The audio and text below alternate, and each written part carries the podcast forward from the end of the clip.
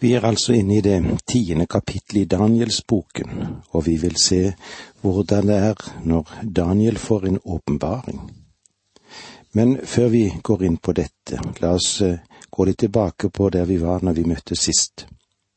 Det sies at han skapte troner, som jeg forestiller meg er erkeenglene som Mikael og Gabriel. Og eh, det var andre slike spesielle utsendinger også. Der de er som herskere, som vi kan føre til og vise til, er kiruber og serafer. Det er makter som kanskje kan sies å være generalen, ja, generaler i den store hær av engler. Og det er myndigheter som kanskje står i forhold til den enkelte, som for eksempel de bevarende engler, slik vi finner det i Hebreerbrevet 1.14. Er ikke alle englene ånder i Guds tjeneste, som sendes ut for å være til hjelp for dem som skal få frelsen? Noen av englene i dette hierarkiet, som var blant maktene, ja, de falt fra, og de sluttet seg til Satan. Jeg vil anbefale deg at du legger merke til det som blir sagt om makter, slik vi ser det i Feserbrevet 6.12.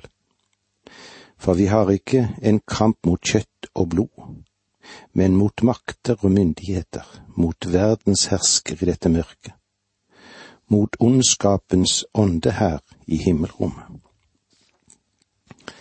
Satan, han har også sine engler organisert i en viss rangordning. På samme måte som en armé strider mot en annen armé, så er det generaler på begge sider. Satans makter, de er generaler, og de kan ha synes og ja, iallfall virke slik at de har ansvar for nasjoner. Hans myndigheter er de personlige åndsvesen som søker å beherske mennesker. Verdens hersker i dette mørket er demoner som har ansvaret for Satans versliggjøring og det han holder på med. Og eh, det jeg tror er at han har en rekke tvilsomme affærer gående. Og så har vi også ondskapens ånde her i himmelrommet som kan tenkes å ha ansvar for det religiøse feltet og området. Kanskje vi ikke alltid tenker gjennom dette. Men Satans religionsdepartement er det største departement av alle sammen. Han jobber på det religiøse felt. Mange mennesker tror at Satan er imot religion. Nei, slik er det ikke. Han stimulerer religion ikke Kristus, men religion. Disse to gruppene beveger seg i universet der vi lever. Vi er engasjert i en ustanselig krigføring for å fange menneskers sjel. Vi vil møte det nærmere etter hvert som vi går inn i denne delen av Daniels bok. Og når vi nå går inn i Daniels bok i det tiende kapitlet, så er det tid, sted og forberedelse til Daniels visjon. I det første verset leser vi slik. I det tredje året Kyros var konge i Persia, fikk Daniel, som hadde fått navnet Belsesar, en åpenbaring. Åpenbaringen er sann, og den versler tunge tider. Han merket seg åpenbaringen og ga akt på synet. I det tredje året Kyros var konge, og det var i år 534 før Kristus. Og det var ca. fire år etter at han hadde hatt synet om de 70 ukene. Daniel, han var nå blitt en gammel mann, han hadde kanskje trukket seg litt tilbake fra sine offentlige verv. En åpenbaring antyder at dette er en ny kommunikasjonsform. Daniel er ikke nå forflyttet noe sted. Åpenbaringen er sann, og den varsler tunge tider. Og det antyder at fullbyrdelsen den ligger i en fjern fremtid, ikke i den umiddelbare fremtid. Han merket seg åpenbaringen, og så ga han akt på synet. Det betyr at dette synet blir gjort helt krystallklart for Daniel. Vi leser videre versene to og tre. På den tiden hadde jeg, Daniel, sørget i tre uker. Fine retter spiste jeg ikke. Kjøtt og vin kom ikke i min munn, og jeg salvet meg ikke før de tre ukene var omme. Daniel tok ikke et bad på tre uker. Årsaken til Daniels sørgetid sies det ikke noe om, men det er tillatt å filosofere litt. Nå må du huske på at dette var tredje år i Kyros sin regjeringstid. Allerede det første året han hersket, hadde han gitt Israel tillatelse til å vende tilbake til sitt land, slik som det står om i Esra 1, 1-4. I det første året Kyros var konge i Persia, ble han tilskyndet av Herren til å sende ut en kunngjøring for at det ordet Herren hadde talt gjennom profeten Jeremia skulle oppfylles. Kongen kunngjorde i hele sitt rike både muntlig og skriftlig dette budskapet. Så sier Kyros kongen i Persia, Herren, himmelens Gud, har gitt meg alle kongerikene på jorden. Herren har pålagt meg å bygge tempel for ham i Jerusalem i Judea. Gud være med alle dere som tilhører hans folk. Dere kan dra opp til Jerusalem i Judea og bygge tempelet for Herren, Israels Gud. Det er Han som er Gud i Jerusalem. Alle som er igjen av hans folk, hvor de så holder til, skal få hjelp av befolkningen der de bor. De skal få sølv og gull, gods og buskap, og dessuten frivillige gaver til Guds hus i Jerusalem.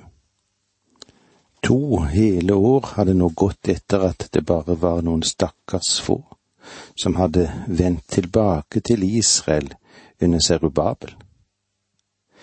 Dette var før gruppen under Esra og gruppen ledet av Nehemja som hadde reist tilbake.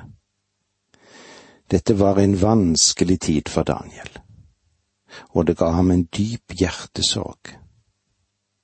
Denne aldrende Guds profet, som nå var omkring 90 år, og at han kunne legge merke til at hans folk ikke vendte tilbake til sitt hjemland. Etter han nå antagelig hadde trukket seg tilbake fra alle sine offentlige tjenester, men likevel hadde han gjort en viss tjeneste under Kyros sine første år. Så fikk han nå god tid til å tjene Gud. Han fastet i tre uker fordi han ikke fikk et umiddelbart svar på sin bønn. I vers fire her i kapittel ti leser vi Den 24. dagen i den første måneden sto jeg ved bredden av Storelven, det Tigris. Nå gir Daniel oss nøyaktig tid og sted da han tok imot denne åpenbaringen. Han sto ved Tigriselven, og tiden var den 24. Nissan, altså 24. april. Daniel, han er nøyaktig i sin tidsangivelse, og det gjør det så vanskelig for, for kritikerne å håndtere fordi det er så lite rom for spekulasjoner og feilplasseringer hos Daniel. Det skal du legge merke til. Daniel får nå kanskje syn av den herliggjorte Kristus, slik som det står i versene fem og seks. Da jeg ser opp, fikk jeg øye på en mann som var kledd i lin og hadde et belte av ufartsgull om livet. Kroppen hans var som krysolitt. Ansiktet skinte som lyn, og øynene var som flammer. Armene og beina så ut som skinnende kobber. Når han talte, lød røsten hans som larmen av en stor folkemengde. Og eh, med disse ordene sier vi takk for nå. Må Gud være med deg. Dette undervisningsprogrammet består av to deler. Åge Nevland fortsetter nå med andre del av dagens undervisning. Vi er inne i Daniels bok, i det tiende kapitlet. Og eh, vi vil se hvordan det er når Daniel møter opp på hvordan han tidfester de mange ting. Som overskrift av det vi går inn i nå, er synet av den herliggjorte Kristus. Kanskje det var slik at Daniel så Kristi herliggjørelse for både Moses og Elias så den. Du forstår at det har alltid vært tre representanter. Ja, hvem er nå det, da? Jo, Moses, han har vært representanten for loven. Elia, han har vært den som representerte profetene. Men Daniel, Daniel representerte en helt spesiell gruppe av dem som hadde vært i fangenskapet. Og nå får han en visjon av den herliggjorte Kristus før det egentlig hadde skjedd, så skulle han kjenne seg oppmuntret. La oss lese sammen versene fem og seks i kapittel ti. Da jeg så opp, fikk jeg øye på en mann som var kledd i lin og hadde et belte av ufasgull om livet. Kroppen hans var som krysolitt. Ansiktet skinte som lyn, og øynene var som flammer. Armene og beina så ut som skinnende kobber. Når han talte, lød røsten hans som larmen av en stor folkemengde. Dette vi, som vi har vært innom nå, er en ny åpenbaringsform. Daniel ser ikke lenger billedstøtter eller visjoner av dyr eller uker. Nei, nå ser han en bestemt person. Hvem er nå denne mannen, da? Noen utmerkede tolkere nøler med å identifisere ham, og de overbygger dette dilemmaet ved å si at han var en himmelsk gjest. Det er kanskje å generalisere dette for mye, synes jeg. Men du begår selvfølgelig ingen feil om du kaller ham en himmelsk gjest. Men det er da ingen tolkning av dette avsnittet. Jeg tror at denne personen er Kristus. Da den Herre Jesus var her på jord, ga han oss mange lignelser, og noen av dem hadde å gjøre med aktiviteten til en bestemt mann. Denne mannen var enten Gud, Faderen eller Gud Sønnen. I dette verset vi nå har for oss, er det denne mannen. Han er identifisert både gjennom sin person og gjennom den klesdrakten han hadde. Og det er en slående likhet mellom synet av Kristus etter hans himmelfart og herligheten slik som vi òg får lov til å møte dette i Johannes' åpenbaring, hvor han fremstiller dette på den underlige måten. Hvor det står slik i åpenbaringen 1, 12-16. Jeg vendte meg for å se ham som talte til meg. Da så jeg sju lysestaker av gull, og midt mellom lysestakene en som var lik en menneskesønn kledd i en fotsid kjortel og med et belte av gull om brystet. Hans hode og hår var hvitt som hvit ull eller som snø, og øynene som flammende ild. Føttene var som bronse glødet i en ovn, og røsten lød som brusen av veldige vannmasser. I sin høyre hånd holdt han sju stjerner og fra hans munn gikk det ut et skarpt, tveget sverd. Ansiktet var som solen når den skinner i all sin kraft. Det er i alle fall en åpenbaring av Kristus, og jeg tror at Daniel så Kristus. Han så ham i hans tjeneste som forbeder og som dommer, og som den store hyrden for fårene og Bibelen gjør det helt klart at både Israel og menigheten kalles hans får. Det er interessant å tenke på at Moses og Elia var til stede da Jesus ble forvandlet slik det gjengis i evangelien. Men Daniel var ikke til stede. Hvorfor det? Vel, jeg kan tenke meg at årsaken var at han allerede hadde vært vitne til denne Jesu forvandlingen, og her har vi beskrivelsen av denne saken den forvandlede virkningen på Daniel, slik som vi kan lese det i vers syv. Jeg, Daniel, var den eneste som så synet. De mennene som var med meg, så det ikke, men det kom stor redsel over dem, og de løp og gjemte seg. Jeg tror ikke at det verken var den ordinære engel eller en gang en erkeengel som ville ha denne virkningen på disse mennene. Selv om andre var sammen med Daniel, så var det han alene som så denne åpenbaringen.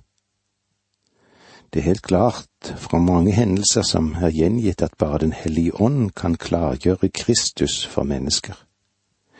Og det var det han gjorde for Daniel. Den Herre Jesus sa det slik i Johannes 16, 14. Han skal herliggjøre meg, for han skal ta av mitt og gi til dere. Apostelen Paulus hadde en lignende erfaring, du vet da han var på veien til Damaskus. Apostelens gjerninger 9, 7, 8. Mennene som fulgte ham, sto der målløse. De hørte røsten, men så ingenting. Saulus reiste seg opp, men da han åpnet øynene, kunne han ikke se. De måtte ta ham i hånden og leie ham inn til Damaskus. Paulus var blindet. Han hadde sett den herliggjorte Kristus. Vers åtte i kapittel ti i Daniel. Så ble jeg alene tilbake, og da jeg hadde dette store synet, ble jeg helt maktesløs. Jeg skiftet farge og ble likblek, all min kraft var borte. Daniel, han blir alene tilbake. Dette er en mektig erfaring for denne gudsmannen. Og mange har fulgt ham på denne veien inn i ensomheten. Abraham, han forlot Ur, og til sist også sin familie. Og han var alene med Gud. Og så har vi Moses som ble sendt inn i Midjaørkenen og ved den brennende busken ble han alene med Gud. Elia ble disiplinert av Herren ved bekken Krit, og Gud var med ham. Jeremia han vandret sin ensomme sti, men Gud var med ham. Johannes døperen var i ørkenen alene, men Herren var der. Paulus hadde to til tre år i ensomhet i den samme ørkenen. Det var Guds mulighet til å fostre ham. Apostelen Johannes, han var forvist til den ensomme øya Patmos, men Gud var med ham. Det er så mange mennesker som ønsker å komme sammen for å ha et stort bønnemøte, eller for å ha kjempestore forsamlinger. Har du noensinne prøvd det å være alene? Det er der Gud vil møte deg. Ta med deg Guds ord og gå alene avsides sammen med ham, og det vil virkelig gjøre deg godt. Se motsetningen til dette, de ugudelige og de vantro. De er flokkmennesker. De må ha noen rundt seg, ellers har de så lett for å gå på veggene. De løper i flokk de må alltid ha en stim rundt seg og ståk, og så er det en del av deres livsstil. De liker ikke å være alene.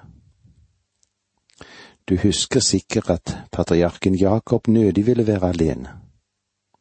Men Gud klemte ham inn i et hjørne slik at han fikk oppleve noe spesielt en natt. Og du husker kanskje det helt sikkert, ja, du gjør nok det. Han måtte brytes med Gud, og til sist så deformerer ham han til å beherske ham. Det var Jakobs kamp. I dette skriftet har vi for oss Daniel. Han er alene med Gud, og han har her et syn av den Herre Jesus Kristus. Han sier, Jeg ble helt maktesløs. Det hadde en mektig virkning på ham. Vers ni. Jeg hørte lyden av ordene hans, og da jeg hørte dem, falt jeg sanseløs ned med ansiktet mot jorden. Det virker som om Daniel har mistet bevisstheten. Jeg vet ikke hvor lenge det varte. Den Herre Jesus forlot ham, og Daniel våknet igjen, og da kom det en engel og tjente ham. Et eh, budskap gjennom en uidentifisert himmelsk budbærer.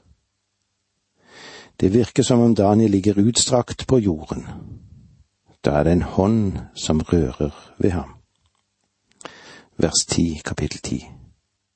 Da var det en hånd som rørte ved meg og hjalp meg opp på hender og knær. Den himmelske budbæreren han ble sendt av Kristus selv som et svar på Daniels bønn. Hvem kunne dette så være? Kan vi foreslå at dette var Gabriel? Siden Gabriel ble sendt til Daniel ved tidligere anledninger. Men det kunne kanskje ha vært en annen. Kanskje en annen engel kom på besøk til Daniel. Vi må slutte her for i dag. Takk for nå, må Gud være med deg.